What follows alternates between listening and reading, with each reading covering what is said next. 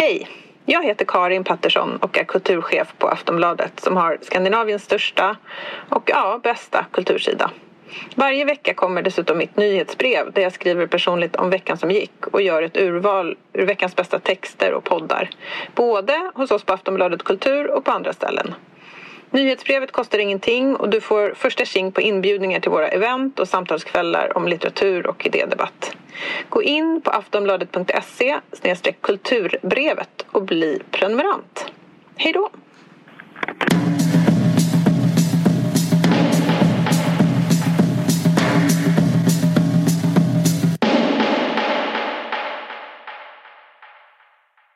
Jag heter Caroline och det här är Liv Strömqvist, serietecknare och jag är författare och regissör och vi, ja, tycker om Bergman.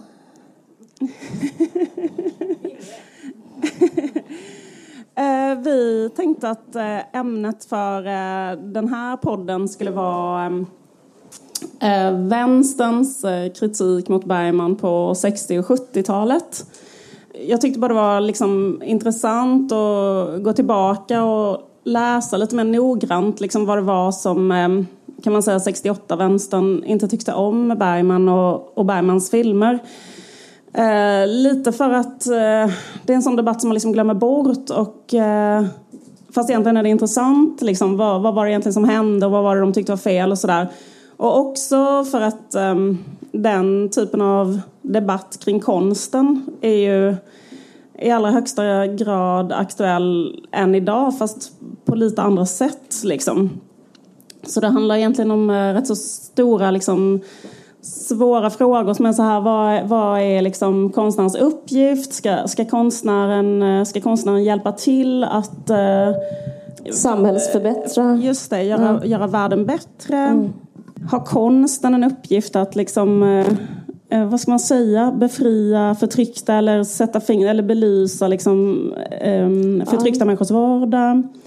Eller eh, finns konsten till eh, bara för sin egen skull och mm. kan konsten vara neutral? Eh, Eller är det liksom konsten bara ett eh, medel, ett politiskt medel för att nå ett resultat i en gemensam politisk kamp. På 60-talet var mycket de tongångarna och eh, vi är inte riktigt där idag men det finns liksom önskemål ibland om vad konst ska vara. Ja, precis. Det känns som att, eh, jag vet inte, men som ett eh, samtida exempel som vi diskuterade för länge sedan i vår podd var till exempel den amerikanska tv-serien Girls. Eh, skaparen till den fick eh, kritik för att det inte fanns med svarta personer i casten. Just det. Och det är typ ett exempel på en slags samtida debatt som kanske liknar de här frågorna. Vad, vad är konstens uppgift och så vidare. Eh, och eh, jag, jag och Caroline har läst eh, en bok som kom ut 1976 som skrevs av Maria Bergom Larsson som heter Ingmar Bergman och den borgerliga ideologin. Jag vet inte om ni har läst den? Men det är, ja, hon är journalist och då har hon liksom gått igenom på vilket sätt Ingmar Bergman, liksom att hans filmer genom att visa upp vissa slags bilder hela tiden på något sätt bidrar till att eh, det inte blir någon eh, socialistisk revolution i Sverige. Nej, det, det, det kanske är på grund av honom som det inte Nej. blev det. Precis. Uh, ja, hon har delat upp den i tre delar och uh, en del handlar väl om uh, kvinnorollen. Exakt, hon, hon kritiserar honom på tre olika punkter. Mm. Dels att hon tycker att han har liksom en patriarkal, alltså att det finns en patriarkal ideologi, att det är liksom en väldigt traditionell familj där det finns en faders auktoritet som aldrig är på riktigt, det finns ingen riktig frigörelse från det. Sen så kritiserar hon eh, också att hon tycker att eh, hans konstnärs, synen på konstnären är liksom för subjektivistisk och att den inte syftar till samhällsförändring då heller. Och också att om man tittar på liksom att den fokuserar väldigt mycket på intimsfären istället för eh, eh, samhället helt enkelt. Att det hela tiden handlar om eh, de små ja. eh, relationerna eh, eh, inom familjen, barn, förälder, man, kvinna mm. och inte handlar om liksom, vad händer i Afrika egentligen på grund av imperialismen och sådär. Vi tänkte väl fokusera lite på det, hans, liksom Maria Bergam Larssons kritik mot hans kvinnobilder. Ja, vad hon har att säga och Precis. Exakt. eh, hon menar då att eh, hon tycker liksom att kvinnorna i eh, Bergmans filmer liksom att, att hennes identitet är knuten till barnet um, väldigt mycket. Mm. Att hon ses som en slags djur mer än mannen då. Mm. Jag tror hon använder ordet hona till och med. Just det. Mm. Att, att kvinnans lycka brukar hon prata om är liksom avhängigt att få barn eller att inte få barn och att det är liksom det som är Precis. själva karaktärsutvecklingen för kvinnorna medan männen får någon uh, mer uh, intellektuell resa på ett annat sätt. Precis. Och ett exempel är i Scener ett äktenskap, för den brukar ju... alltså idag så ses ju den tv-serien ganska mycket som ett uh, exempel på nästan en feministisk ehm, eh, Bergman-skapelse. Eh, alltså för ja, att den handlar mycket om... Eh, alltså det fanns ju en skilsmässovåg till exempel. Ja. Eh, efter senare ett äktenskap. Ja. Att den aktualiserade frågor som handlar om förtryck och så. Ja, det är väldigt spännande. Det är, det är liksom jättemånga Min mamma skilde sig på grund av den filmen. Eh, och jag, jag, vi får tacka Bergman för en varje Jag hade inte suttit här idag. För hon, jag är den nya mannens barn. Ja. Det är sant. Jag ringde henne in och frågade om det var okej att berätta. Det är verkligen, det är helt sant. Um, men uh, alltså uh, kortfattat så är det ju så i scener ett äktenskap att det börjar med att uh, mannen är väldigt stark, kvinnan är svag och sen under tv-seriens gång så skiftar de positioner så att i slutet så är han väldigt svag och hon har liksom hittat sig själv, hon är, hon är stark, hon har utbildat sig till jurist och de hittar varandra igen som kärlekspar fast på väldigt så här fria andra eh, förutsättningar liksom. Mm. Eh, men Maria Bergam Larsson tycker liksom inte att det går tillräckligt långt, kvinnans frigörelse, därför att på natten jag vet inte om ni kommer ihåg det här, ni, ni antagligen Bergman heads, ni som sitter här. Men eh, en av de sista sakerna som händer i senare ett äktenskap. Eh, kvinnan är, alltså Marianne är ju då väldigt stark, hon är glad, hon är fri och sådär. Men trots det, så på natten så får hon en mardröm. Och eh, jag ska spela upp faktiskt hur det låter när hon berättar för Johan om sin dröm. Ska över en farlig väg eller något sånt. Och jag vill att du och flickorna ska ta min hand så vi kan hålla i varandra. Och så går det inte. Jag har inte några händer längre. Jag har bara ett par stumpar som sitter kvar på armbågarna. Och hela tiden så halkar jag i lös sand. Jag kan inte få tag i er. Ni står där uppe på vägen och jag kan inte nå er. Hemsk dröm. Johan? Ja, min vän. Tror du vi lever i absolut förvirring? Du och jag? Nej, vi allihop. Vad menar du med förvirring? Rädsla, osäkerhet, oförstånd. Jag menar förvirring. Tror du att det är så att vi hemligt är rädda för att vi halkar ut för och så vet vi inte vad vi ska ta oss till? Ja, det tror jag. ja, det var det. Ja. uh, så det slutar uh, på något sätt i att uh, trots att hon har en juristexamen och en ny kille och så har hon ändå existentiell ångest och eh, människans eh, lott är att vara rädd och eh, eh, osäker. Och då mm. skriver eh, Maria Bergam Larsson skulle ha velat att den här sista scenen inte skulle varit med med den här mardrömmen då i filmen. Hon skriver så här.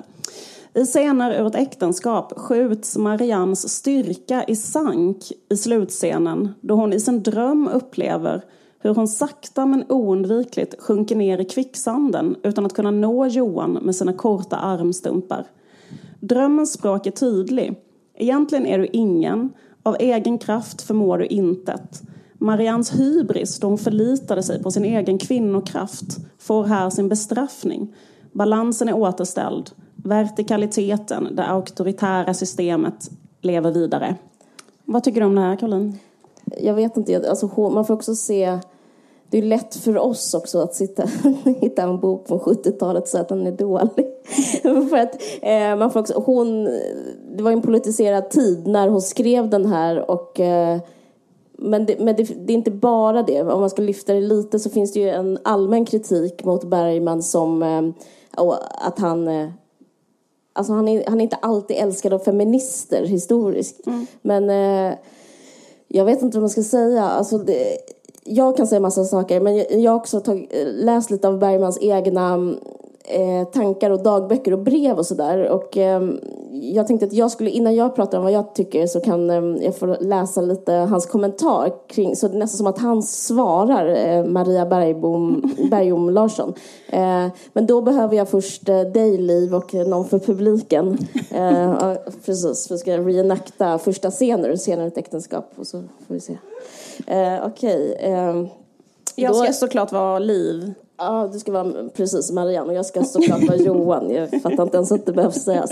Hur som helst, eh, det, det, jag vill eh, eh, säga om senare äktenskap, jag vill bara berätta vad den handlar om, för jag vet inte om vi kanske bara snubblade över det. Alltså, det är Johan och Marianne är ett äkta par som får en fnurra på tråden och skiljer sig. Det är det den handlar om.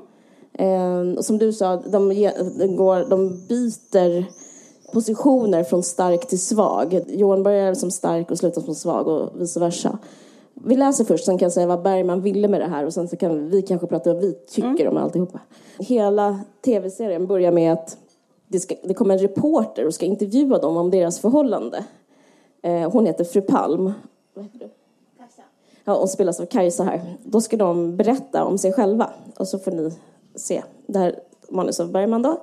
Och då kommer fru Palm och eh, Johan Marianne sitter i soffan i deras borgerliga hem i vardagsrummet. Varsågod fru Palm.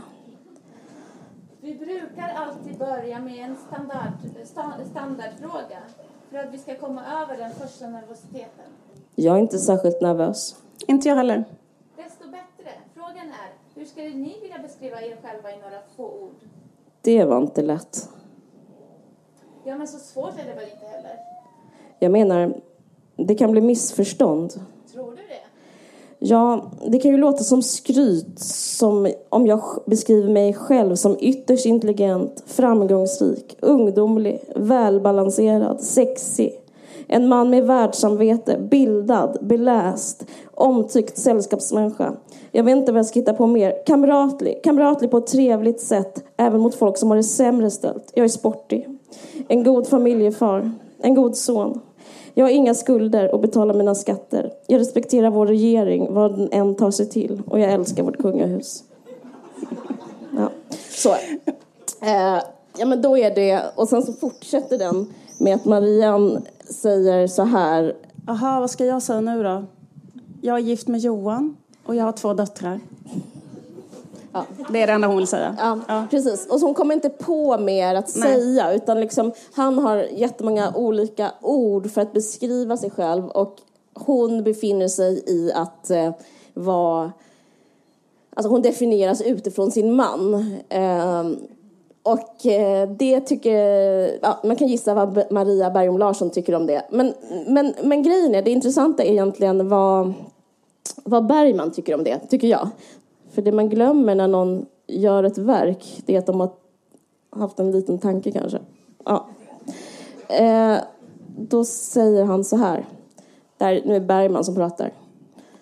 För att man inte ska gå vilse i texten i mitt manus tror jag att jag mot min vana den här gången måste ge en liten kommentar. Den som upplever ett sånt dirigerande som en förolämpning kan hoppa över. Och det, det gäller er också tänker på annat. Men i alla fall, den här scenen vi pratar om nu eh, säger Bergman så här. Johan och Marianne är barn av fasta normer och den materiella trygghetens ideologi. De har aldrig upplevt sin borgerliga livsföring som tryckande eller osann. De har inordnat sig i ett mönster som de är beredda att föra vidare. Deras tidigare politiska aktivitet är snarare en bekräftelse på det här än en motsägelse. I första scenen presenteras en vacker bild av ett idealiskt äktenskap. Eh, på ett stillsamt sätt förhäver det sig. De tycker de har ordnat allt till det bästa. Ja. Och sen så har jag ett till citat när han pratar ur DN. Då säger han så här om senare ett äktenskap. Den här serien är en fortsättning, fortsättning på vidareutveckling av de båda borgerliga komedier jag gjort för respektive TV, Beröringen och Reservatet. De ska behandla vissheten om hur den borgerliga trygghetsideologin korrumperar människors känsloliv, urholkar dem och skrämmer dem. Det handlar om människor som är känslomässiga analfabeter. De har ingen självinsikt. De vet ingenting om sig själva. Och så vidare och så vidare. Um, han pratar om uh, den, alltså, att leva i det här borgerliga äktenskapet. Jag ska inte bara läsa innantill, det är så tråkigt. Men han pratar som att det är stympande, alltså apropå den sista scenen, att det är eh, liksom vad ska man säga, det, det, det, det, är begränsande, de når inte varandra, det finns en kontaktlöshet, eh, det finns liksom roller de spelar och de är också som, man pratade senare i en bok som jag läste, Eh, att, att de är liksom marionettdockor åt sina egna föräldrar, att de nästan inte har en egen vilja utan de ingår bara i ett system. Och liksom att kärleksrelationen är mm, nästan ett regelverk eh, utan känslor. Och man liksom bara gör vad man förväntas göra och det finns ingenting mellan dem. Och det vill han visa med den här mm, tv-serien. Han ville visa upp uh, hur det kan vara att vara ihop ibland. Uh, för så kan det ju verkligen vara. Ett stelt förhållande när man har liksom tappat ja, man vill bara vara som alla andra och bara försöka liksom hålla sig på mattan på något sätt. I sina roller också. Liksom, ja. Men eh, så, att, så, så därför tycker, det jag tycker är intressant med det här är att de, de kan, jag tycker de delar samma kritik. Alltså, men, det, men frågan är då, om man har en kritik av samhället till exempel. Det finns, det finns en heteronormativ sätt att leva. Det finns en inordning det finns ett sätt att organisera sitt liv som är att liksom gifta sig, skaffa barn, vara en fru, vara en, vara en härlig man och vara en beskedlig kvinna. Det finns det sättet. Och båda eh, de här eh, eh, författaren Maria Bergum Larsson och Ingmar Bergman, de känner att det inte är utvecklande. Nej. Men frågan är liksom egentligen då eh, vad man ska göra åt det. Och det, jag upplever att de kommer fram till olika lösningar. Det, därför är det kanske lite intressant att prata om idag också. Att vi lever ju också inte i, de bäst, i det bästa av samhällen. Alltså, det är bara min åsikt. Men alltså att man, det finns saker kvar att göra. Ja. Och hur ska vi... Alltså jag är författare, du är också författare. Liksom hur, hur tar vi an oss eh, den värld vi lever i. Alltså, liksom, och, och det, jag tror det är där man hamnar, liksom olika skolor. Och hennes skola är att hjälpa till och förbättra och hans skola är nog att spegla. Eh, vad säger du, Liv? Jo men verkligen, jag håller med. Alltså, för jag tolkar liksom den här, för jag tycker att den här sista drömmen i Senare ett äktenskap är helt otrolig. Alltså eh, att eh, det är så fruktansvärt bra att det är så här, eh, för det första liksom att man har visat den här eh, eh liksom, ja, om, omväxlingen av roller, där, där, men, men trots att hon är då eh, liksom frigjord och liksom, eh, stark och hittat sig själv och är liksom, eh, en, en, eh, en mycket starkare människa än vad hon var från början så hjälper inte det, alltså mot vissa saker. Alltså typ att eh, det anklagar han ju henne också för i, i filmen, att hon hela tiden är så här beskäftig och liksom eh, snusförnuftig och så. Och att det hade varit helt outhärdligt om hon hade fått vara det hela vägen. Liksom att hon bara var så här eh, präktig och... Eh, för det är det som jag tycker är så otroligt eh, med Bergman. Att det är så här, fast det här räcker inte. För att det är ändå så att vi eh, eh, eh, liksom är utkastade på en planet i ett universum och vi vet inte varför vi är här och det finns en oändlig rymd. Alltså allt det här är liksom vår, så grund, eh, det är liksom vår grundförutsättning som människor och det spelar ingen roll liksom vilket samhällssystem vi har eller hur frigjorda vi är själva för det, det går liksom inte att eh, bota den typen av ångest. Alltså, så upplever jag liksom att, eh, att det är det han vill säga. Liksom. Oh. För jag menar liksom att det är ett sätt att, att se på kultur som är ganska eh, förekommande också idag, liksom den här typen av diskussioner att liksom man vill visa i kultur, man vill att böcker, man vill att tv-serier, man vill att kultur ska ha liksom ett uppbyggligt innehåll, man vill att de ska liksom inkarnera så här, värden som finns i samhället, man vill att de ska ehm, liksom ehm, det som hon kritiserar honom för tycker jag att man kan se i liksom dagens samhällsdebatt också. Ja. Att det inte finns någon... eh, För hon menar på liksom att det inte finns någon, någon frigörande potential i hans filmer. Liksom. För om man, om man kollar på, hon tar upp ett annat exempel som är filmen Tystnaden. Mm. Då slutar ju den i en eh, dystopi. Alltså man säger så här, den handlar om människor som inte kan prata med varandra. Och det slutar med att de inte kan prata med varandra. liksom. det, det slutar inte på ett käckt, eh, liksom upplysande sätt. Att, Nej. Mm. och så här kan vi göra för att prata med varandra. Sådär. Ehm, utan den, den vill visa människor som inte kan det. Mm. Eh, och eh, jag menar om man tar det här mm, eh, moderna exemplet då när till exempel Lena Dunham gjorde tv-serien Girls. Att, liksom att hon, hon visar en um, bortskämd överklasstjej eh, som kanske inte umgås med svarta människor i New York. Alltså, Mm. Nej. förstår menar? Utan bara har en privilegierad tillvaro. Och då vill kritiken att man ska göra henne, man ska göra det mer utopiskt. Man ska göra det som att hon Man ska göra om henne. umgås. Ja. Mm. Exakt, precis. Man, ska, man ska göra som att det inte finns kanske segregering i Nej. umgängeskretsar idag i New York och så vidare, vilket det gör. Så därför blir det liksom att man på något sätt vill, vill skapa en annan, alltså en, en utopisk Ja, bild av precis. någonting som inte, är, som inte ser ut så i verkligheten. Liksom. Så det handlar egentligen om, liksom, men jag vet inte, men sen så, eh, man kan ju se på det på, på olika sätt. För det är Ja. också, Men det, vi pratade lite om det innan vi, den här podden. Att det, man kan egentligen dela upp det i två genrer som är ett utopiskt sätt att ta sig an världen konstnärligt eller ett dystopiskt sätt. Och för att liksom exemplifiera så fucking Åmål är på ett sätt, eh, ja, men ni kanske känner till den, den är väl Household som är eh, den mobbade eh, vinner. Ja. Alltså, och då gör inte bara det liksom en slags härlig känsla utan den blir också politiskt korrekt i det att eh, de svaga blir vinnaren i samhället. Men om man, om man går ut i biosalongen så ser man eh, att det är tvärtom. Att de svaga är förlorarna i samhället. Fast kanske man inte vill att det ska vara så, så är det så. Och då kan man ta sig an det genom att önska då att den här drömmen blir verklig. Eller som Bergman gör eh, Eh, med till exempel Scener ur ett äktenskap. Att säga det här är tragedin vi lever i.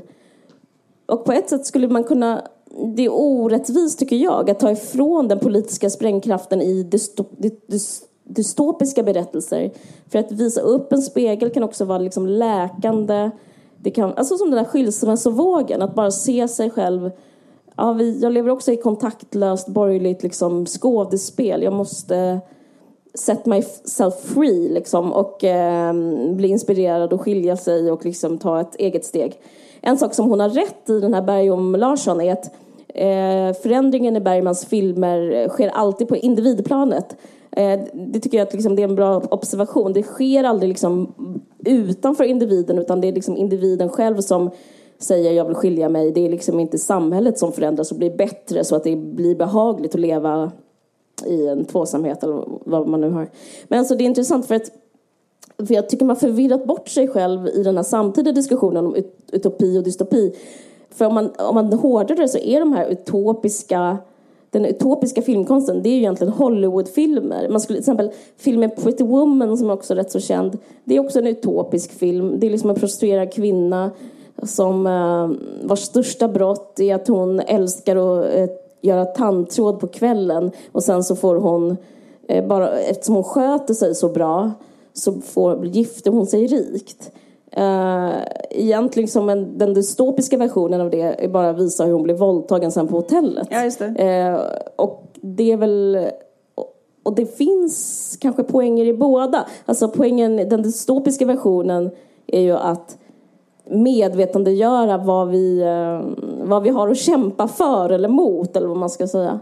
Även, Ann, även Annie Hall av Woody Allen är ju så. Alltså allting som slutar illa är ju dystopiskt. Men det är ju inte Bergman som kommit på det. Det är ju Aristoteles och hans poetik. Och genom eh, katarsis så får människan rening. Alltså det är en jättegammal konstnärligt sätt att ta sig an livet och liksom att göra konsten som en del av att stå ut på något sätt, att få spegling som man ska stå ut, att leva i den här tragedin som är livet.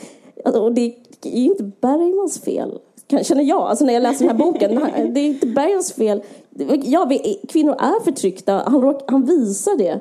Men det är inte, han kommer inte på att förtrycka kvinnor.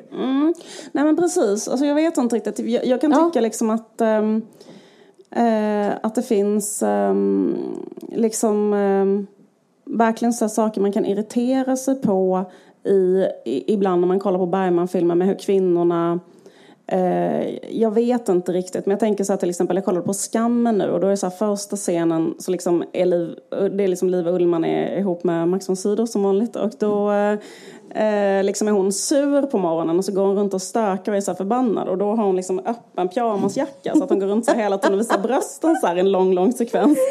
Eh, och så inte tänker man så här ehm, Eh, ja, alltså skulle, skulle det någon gång kunna vara liksom Max von Sydow går upp och liksom pungen hänger ut. Alltså förstår du vad jag menar? Alltså att man skulle också kunna visa på honom så här att, att eh, så här avslappnade och eh, alltså om man nu vill visa så här vi är ett par där vi har liksom eh, vi är liksom sura på varandra, vi bryr oss inte Ja. om liksom att visa upp oss för varandra på något sätt och, och, och du vet sådär liksom. Men att, att, att det liksom är, det är väldigt mycket så jag tar de snyggaste kvinnorna i Sverige och sen skriver jag att de eh, klarar av sig. Alltså, nej, men alltså, det, Jag det fattar vad du liksom, menar, Liksom, ja. det, det, men, men, men grejen är så här, jag tycker inte heller så här, det är inte heller det är inte heller fel, för att jag menar det är också så här, liksom, vem tycker inte om att titta på så här närbilder på de vackraste kvinnorna som finns och deras ansikten och deras, alltså så här, jag menar det, ja, det är ju också, det är ju, det är ju skönhet och är det så fel?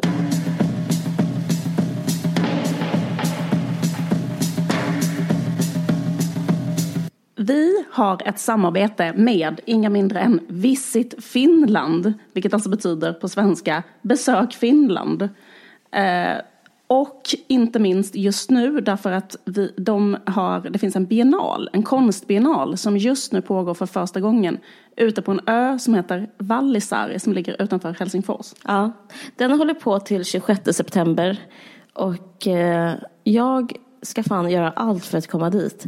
Konstnärerna och eh, kuratorerna har arbetat med hur Finland ser ut och just den här specifika ön, eh, hur naturen kan gå in i konsten och vi har sett bilder som är helt fantastiska. När man ser de bilderna så vill man bara åka dit direkt. Det, var, det, det finns till exempel en konstnär som heter Samir Boumik som eh, har gjort ett verk som är eh, en stig till exempel. Ehm, som man kan gå. Och när man tittar på den här eh, ön som alltså är en nedlagd militärö med en otroligt spännande historia så eh, förstår man hur eh, intressant det här kan bli. Ja, konst är att kultivera saker, men det här är liksom är på något sätt att gå tillbaka verkar det som. Hans verk heter Lost Islands och eh, det upplever man genom att vara en del av det, genom att gå på de här stigarna själv kring Vallisaari, den här fantastiska ön. Vi är såklart jätteglada att vi får göra det här eftersom vi är Helsingfors-heads och eh, konst-heads. Jag vet inte om alla vet vad en biennale är. Jag vet inte om jag ska säga det. Det är liksom ja, men som en samlings ehm, utställning som kommer vartannat år. Precis, det är liksom en um, olika samtida jätteintressanta konstnärer som gör samtidskonst helt enkelt och har gjort verk eh, som är liksom specifika för den här platsen och den här, eh, det här tillfället. Så det är verkligen ett otroligt eh, tillfälle att komma hit. Eh, också känns det, tycker jag, känns coronasäkert att ehm, vara på en ö utomhus eh, och så vidare. Mm. Den har redan börjat den här så att eh, man kan bara om man har några oplanerade dagar på semestern så är det bara att sticka iväg och sen så håller den på till 26 september. Just det, precis. Och vill man läsa mer om utställningen, man kan också faktiskt bara gå in och titta på den digitalt ifall man eh, inte känner att man eh, är redo att resa. Men man kan gå in på så här eh, Helsinki Biennale med två A, punkt fi, alltså Finland, slash en slash hb streck digital. Jag tror att om man söker på Helsinki Biennal på Google så kommer man fram. Där kan man också ta del av utställningen digitalt om man vill, Mm. om man inte har möjlighet att åka. Men det verkar ju verkligen kul att åka dit på riktigt om man har möjlighet. Mm. Eh, Ja, det är i alla fall en varm rekommendation från oss och ehm, vi vill eh, säga tack så jättemycket också till eh, Visit Finland för det här samarbetet. Ja, jag ska bara säga att Visit Finland är en del av Business Finland och en myndighet som syftar till turistfrämjande och eh, bilden av Finland utomlands. Eh, Och vi är jätteglada, verkligen genuint jätteglada att vi får ett samarbete med Visit Finland och vi dör av nyfikenhet på den här biennalen. Tack så mycket. Om, om, om vi fortsätter att prata om ehm, samtiden. Ja, Så alltså, han blir kritiserad väldigt mycket av då 68-vänstern på sin tid för att bara skildra också överklassen. Alltså undantaget är kanske Sommaren med Monica men den har han inte skrivit själv och sådär. Men så fort han börjar skriva själv, alltså han har inte skrivit grundhistorien själv för det är Per Anders Fogelström som har skrivit den och det är typ därför den handlar om arbetarklassen. Men sen efter det så handlar ju nästan allting om eh, det handlar ju väldigt ofta om folk som är dirigenter eller skådisar eller dansöser eller vet sådär. Eh, och det blev han också alla kritiserad. har ett landställe. Ja, väldigt många har ett landställe och eh, liksom eh, när de mår dåligt så mår de inte direkt dåligt över saker som har att göra med att eh, det är brist på pengar och sånt utan det är snarare liksom eh, ångest som handlar om andra saker liksom Ja, än det ja. materiella. Eh, han använder inte sin, eh, sitt tillfälle att eh, när han gör en film så använder han inte den för att visa till exempel verkligheten för människor som har det dåligt. Eh, han, han använder inte det för att upplysa om eh, orättvisor. Han använder inte det för att, alltså sådär. Och, ehm, eh, och det tänkte jag på när du gjorde din eh, tv-serie Amningsrummet. Så utspelade den sig också i ehm, eh, liksom en väldigt välbärgad eh, samhällsklass. Ja, just det. Ja. Och det fick du också kritik för, eller hur? Att, Ja, in, att den inte jag. handlade om ehm, mindre privilegierade människor. Ka- Kan du berätta? Ja, vad fan. Eh, eh, nu, ja, alltså jag, grejen är... jag, läste, jag, jag, tänkte på den inför det här samtalet. Men så läste jag igenom den recensionen och den var så himla positiv. så det är liksom, jag vet inte vad jag ska säga. Alltså, eh, men de, de, det var idén som skrev de att det är en del av en... Eh, liksom som någon slags undertext. Att det var lite trist att det var överklassen och liksom inte någon annan samhällsklass och att det, ingenting var på spel därför. Nej, men jag, det jag tyckte var intressant med, att, med det är att det blir en kritik i sig själv. Alltså som att det är att just att eh, det handlar om en viss samhällsklass, att det kan, eh, att det blir mått på kvalitet. Att om det, och då, det tycker jag är en politiserat sätt att se på konst. Att liksom, jag läste också Eh, det var några mm, mammaböcker som kom ut samtidigt eh, och då läste jag en, eh, av Elin Grelsson i Expressen en kritik som var att det hade varit mer intressant om de hade handlat, utspelat sig i ett krigshärjat land. Och det är liksom samma, det kan jag förstå, det kan vara jätteintressant med något som handlar om ett krigshärjat land och utspelar sig där. Men det är fortfarande inget mått på bra, eller liksom, det är ingen skala av bra eller dåligt utan det kan också vara en dålig bok om ett krigshärjat land eller liksom en bra bok om ett krigshärjat land eller bra eh, bok om en eh, överklass eller en dålig bok om en överklass. Alltså, så jag tycker det, den lilla förskjutningen eh, när det är underförstått att eh, bra är eh, utsatthet och kanske arbetarklass och dåligt är eh, överklass. Eh, och så kan man ju se det. Det är ju, det, det är ju alltså, om man går från konstens väggar så kan man ju titta på samhället så. Det är dåligt att det finns överklass. Det är dåligt och det håller jag med om. Eh, men frågan är då hur ska vi eh, hantera att den finns? Eh, och, det, och det kan man ju närma sig på olika sätt.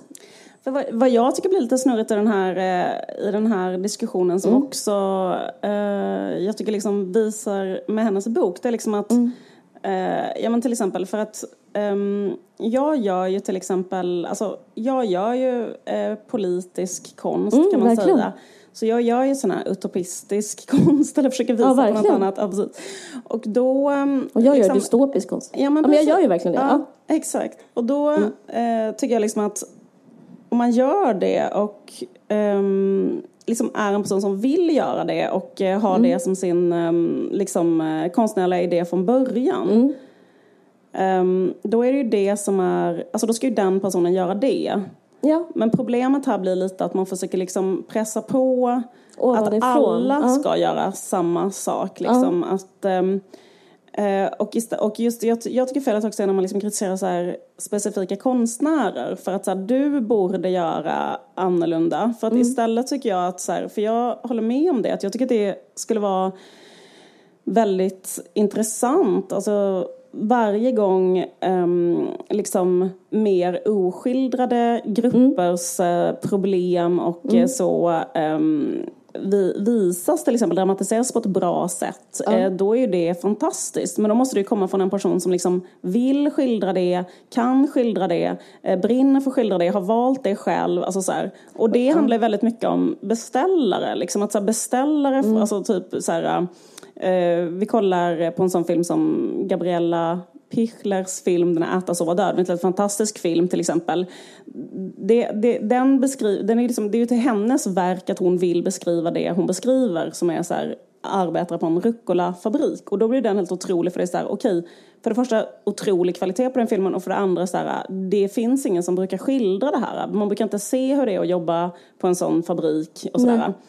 Ehm, Det är den bästa film som någonsin gjorts i Sverige tycker jag. Ja, men precis. Och, men, men jag menar, problemet tycker jag är liksom när man då ska så här, tvinga så här, någon som inte alls eh, kommer därifrån, inte vill skapa på det sättet, att den ska liksom, eh, vad heter det, in, liksom tvångsinkorporera de här elementen. Just det. Eh, för det är ju det som hon nästan föreslår lite grann där, att det är Ja. så här, vi kan ta bort de här replikerna så att det blir mer eh, utopiskt och sånt. Och jag menar, och, det, och, så- och, så, och så är det ju lite grann nu. Så, som till exempel att, ehm, jag menar både du och jag har varit med om det flera gånger. Vi till exempel skrev en gång en tv-serie som vi försökte pitcha.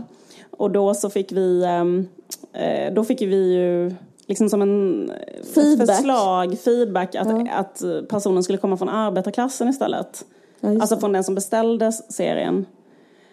Och ehm, ja, att man liksom är med om sånt ganska ofta. Liksom Ja. att de vill att här, om man kommer med någonting så vill de liksom ändra det så att det ska det blir sådär. Just det. Istället för, för liksom, och, och det tycker jag är fel att man liksom lägger det på den upphovspersonen. För det handlar ju om att så här, eh, liksom SVT måste ju hitta andra upphovspersoner då som själva vill, eller som, som, som, som skildrade från början eller så att säga. Ja, men får jag säga en sak om det? Alltså jag, jag tycker det är jätteintressant för det där handlar om hur man orkar med världens smärta. Alltså för världens smärta är att vi lever i en fruktansvärt rasistisk eh, värld.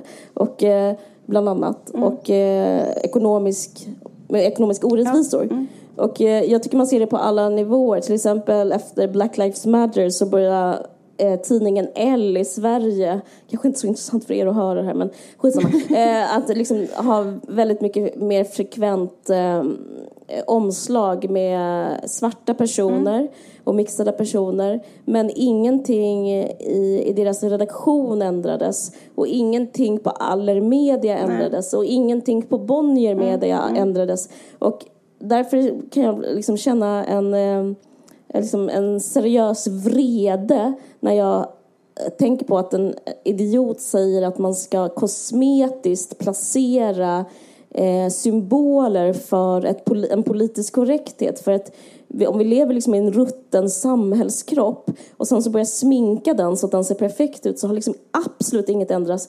Alltså det som sjuka är ju hur det är på det är inte ens det sjuka är inte hur det är på SFI. Det är ju också otroligt eh, liksom vitt, eh, enkla.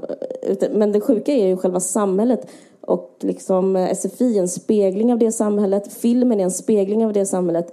Att, att då liksom snabbt så här med några enkla medel bara eh, göra om allting till ett korrekt samhälle eh, tror jag snarare bevarar orättvisor och liksom Det gör det värre, för det gör ju att det ser ut att man att- låtsas att, Exakt. att vi har löst det.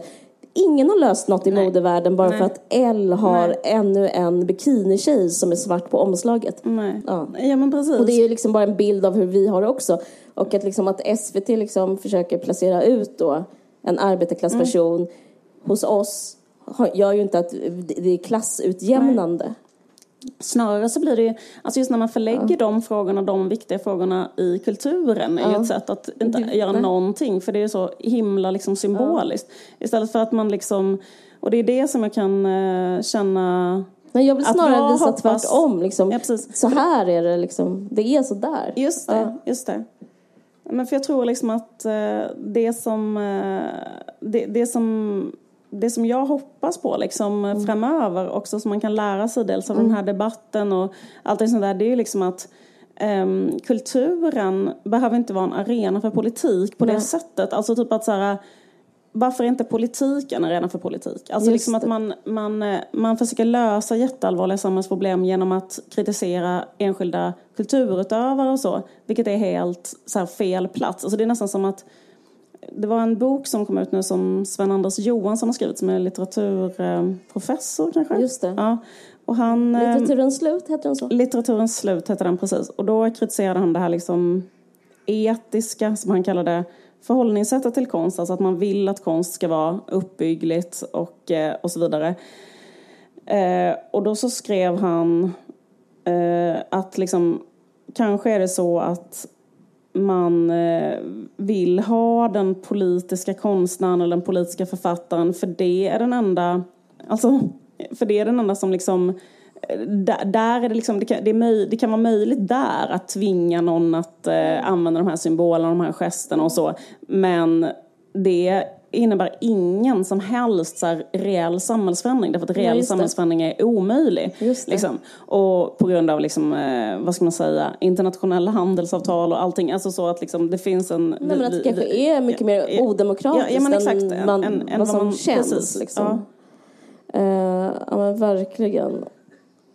Jag, så jag måste bara läsa en rolig, ett roligt citat för, eh, som kommer från den här eh, Bergum Larsson-boken också. Att hon, eh, hon, hon tror att, eller hon framlägger teorin om att anledningen till att Bergman är framgångsrik är att han liksom speglar um, borgerlig ångest och att borgare världen över är så rädda för vänstervågen som kommer så att de har ångest på grund av det för de förstår att deras dagar är räknade liksom. Eh, och då skriver hon så här ehm, det är rimligt att förstå hela Bergmans framgång som konstnär mot denna bakgrund. En viktig orsak till hans framgång kan ligga i den star- den, de starka privatiseringarna av samhällsproblem som är genomgående i hans filmer.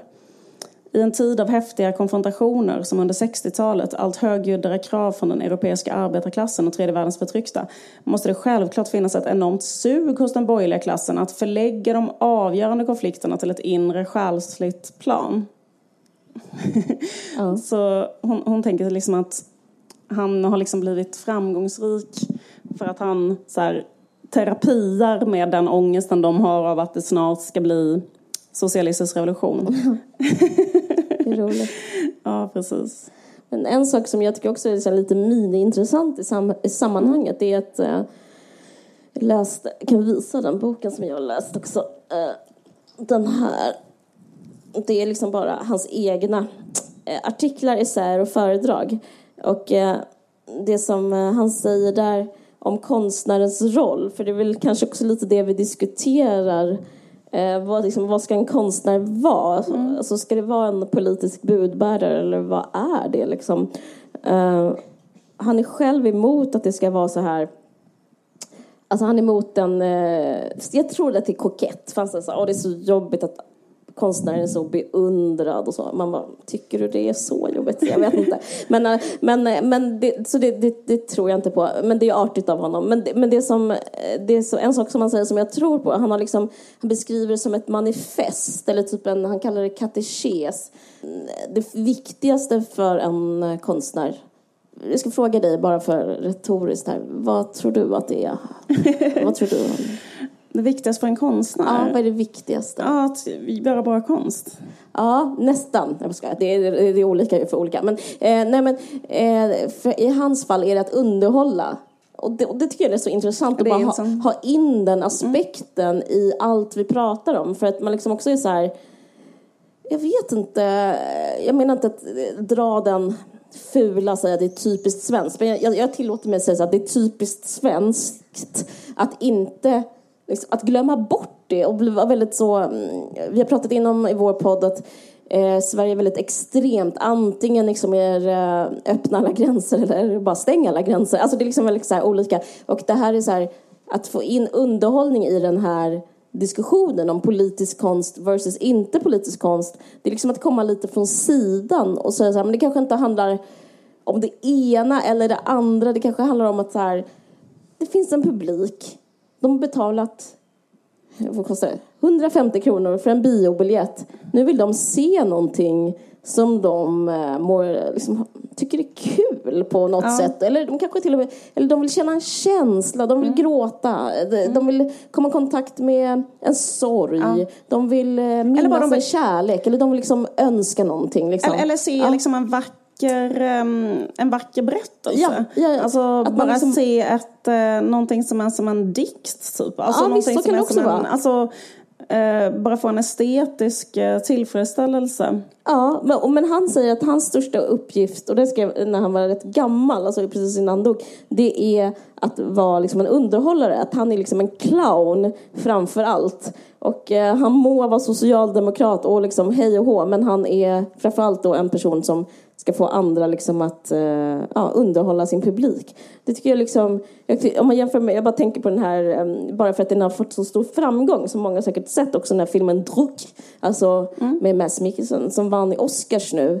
För den är en dystopisk film som handlar om att lite samma stämning. Alltså, I borgerligheten är livet skit, allt är jättetråkigt, det är tråkigt att vara gift. Det, är, det finns en eh, kanske lösning och det är att vara full, eh, lite full hela tiden. Eh, såklart är inte det en lösning, eh, utan det, ska, eh, det slutar i tragedi.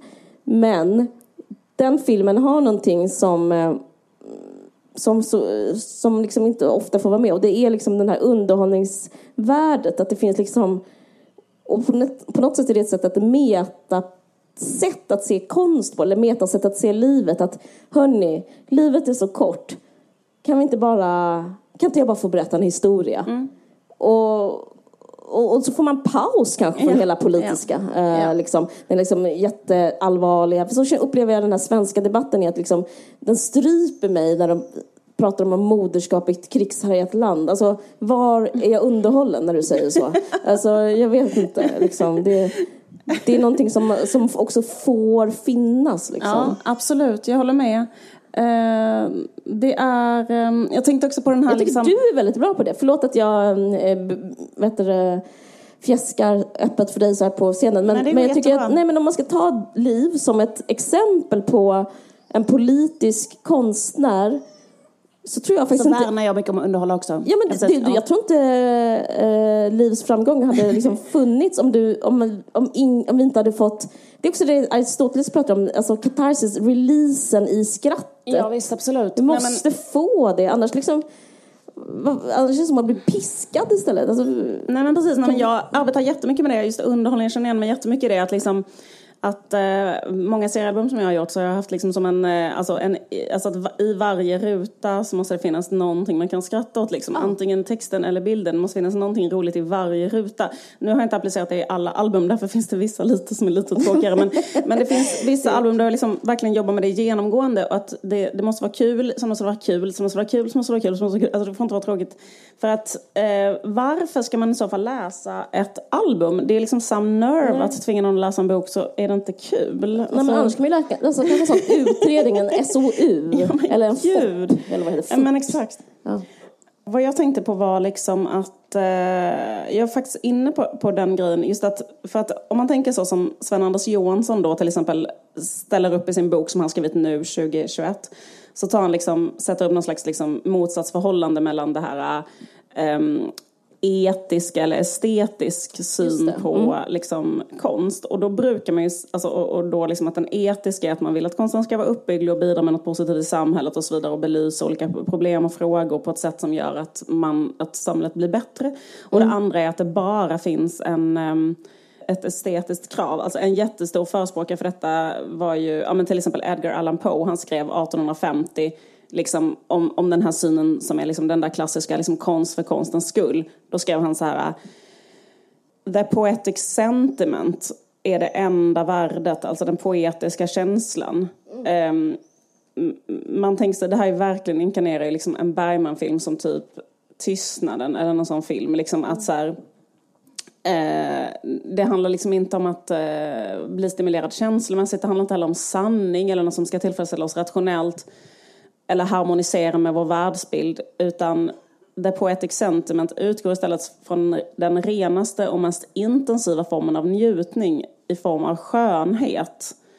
Men alltså inte skönhet på ett banalt sätt, att någonting bara är vackert, utan det är fruktansvärt smärtsamt. Som liksom skön, alltså ett, skönhet i ett vitt begrepp innehåller ju också eh, smärtans skönhet, eller ångestens skönhet, eller sorgens skönhet eller så. Men han skriver så här, skönhet är det som berör oss i själen, det som rent estetiskt tilltalar oss. Och det är då enligt på en av de starkaste mänskliga drivkrafterna Eh, en dikt existerar och bör bedömas enbart utifrån sig själv. Mm. skriver han ju då.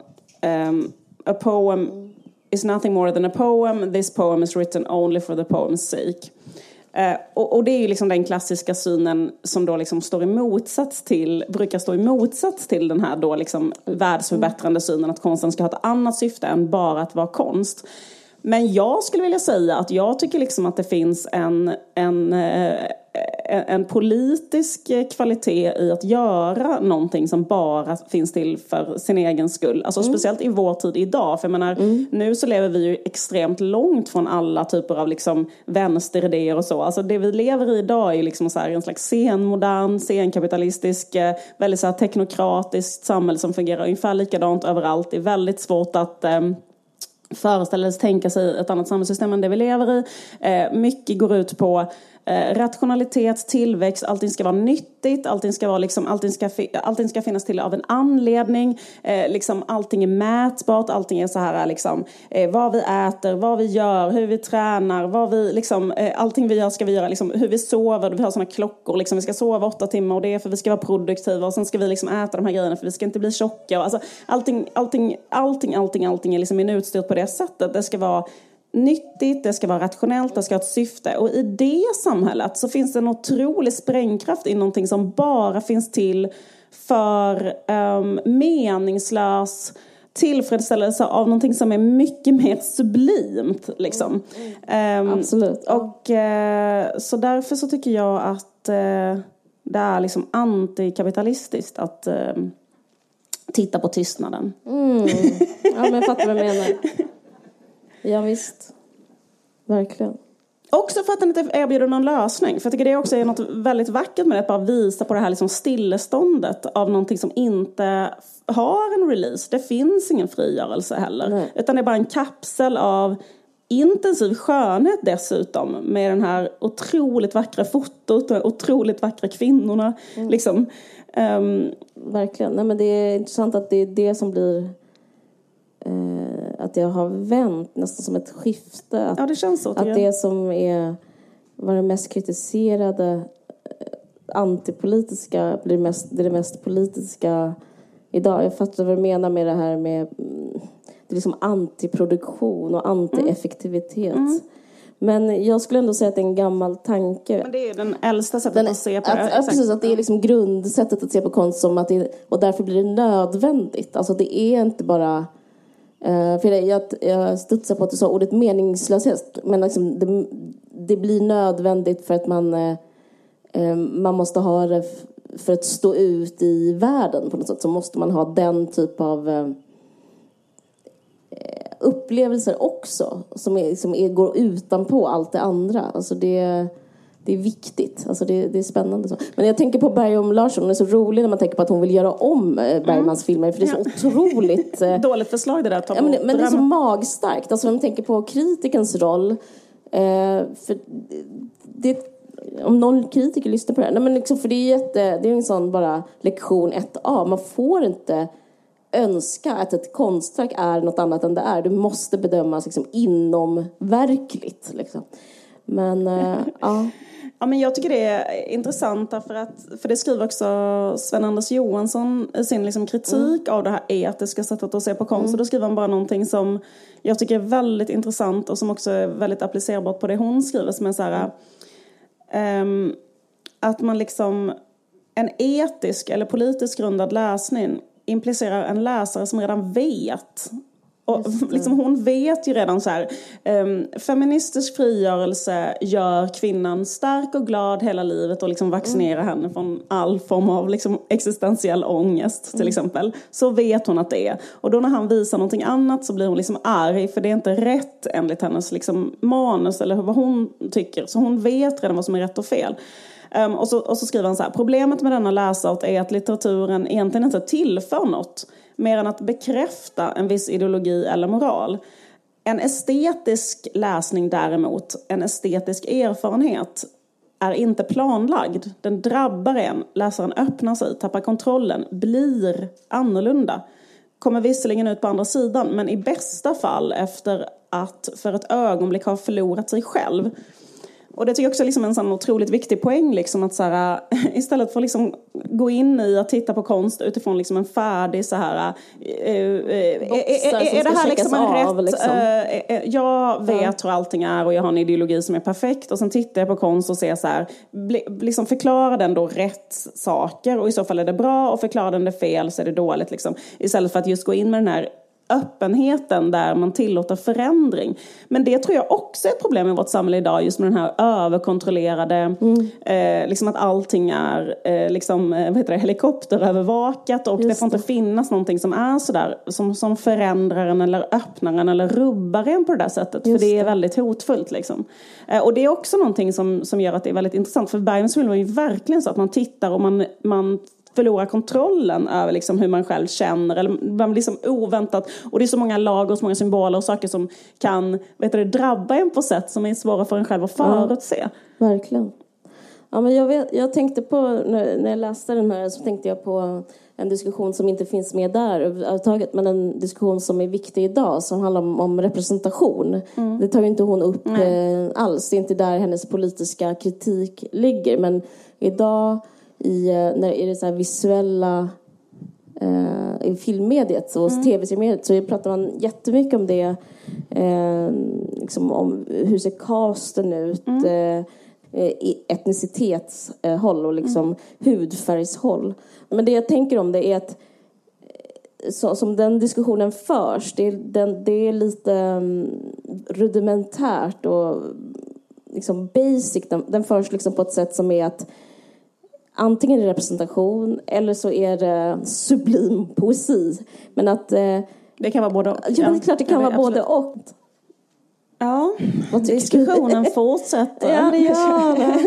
Nej, men det är väldigt svårt. Det är jätte, ja. jätte, jätte, jättesvåra frågor. Eh, som ibland blir avfärdade liksom för lätt. Men jag tycker det var bara spännande faktiskt att eh, läsa lite mer ordentligt vad som sades och sådär. Så, um, mm. Det är kul. Eh, det var kul. Okej.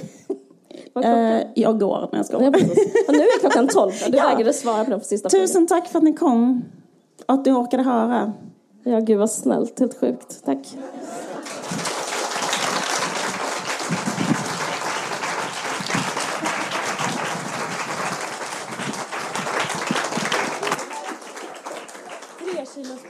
här till. Oj! Varsågod. Men gud, vad fint. Det blir extra. Ja, vad tur. Oj, jag blir jätteglad. Tack. Tack så mycket, Molly. Tack. Du har lyssnat på en podcast från Aftonbladet. Ansvarig utgivare är Lena K Samuelsson.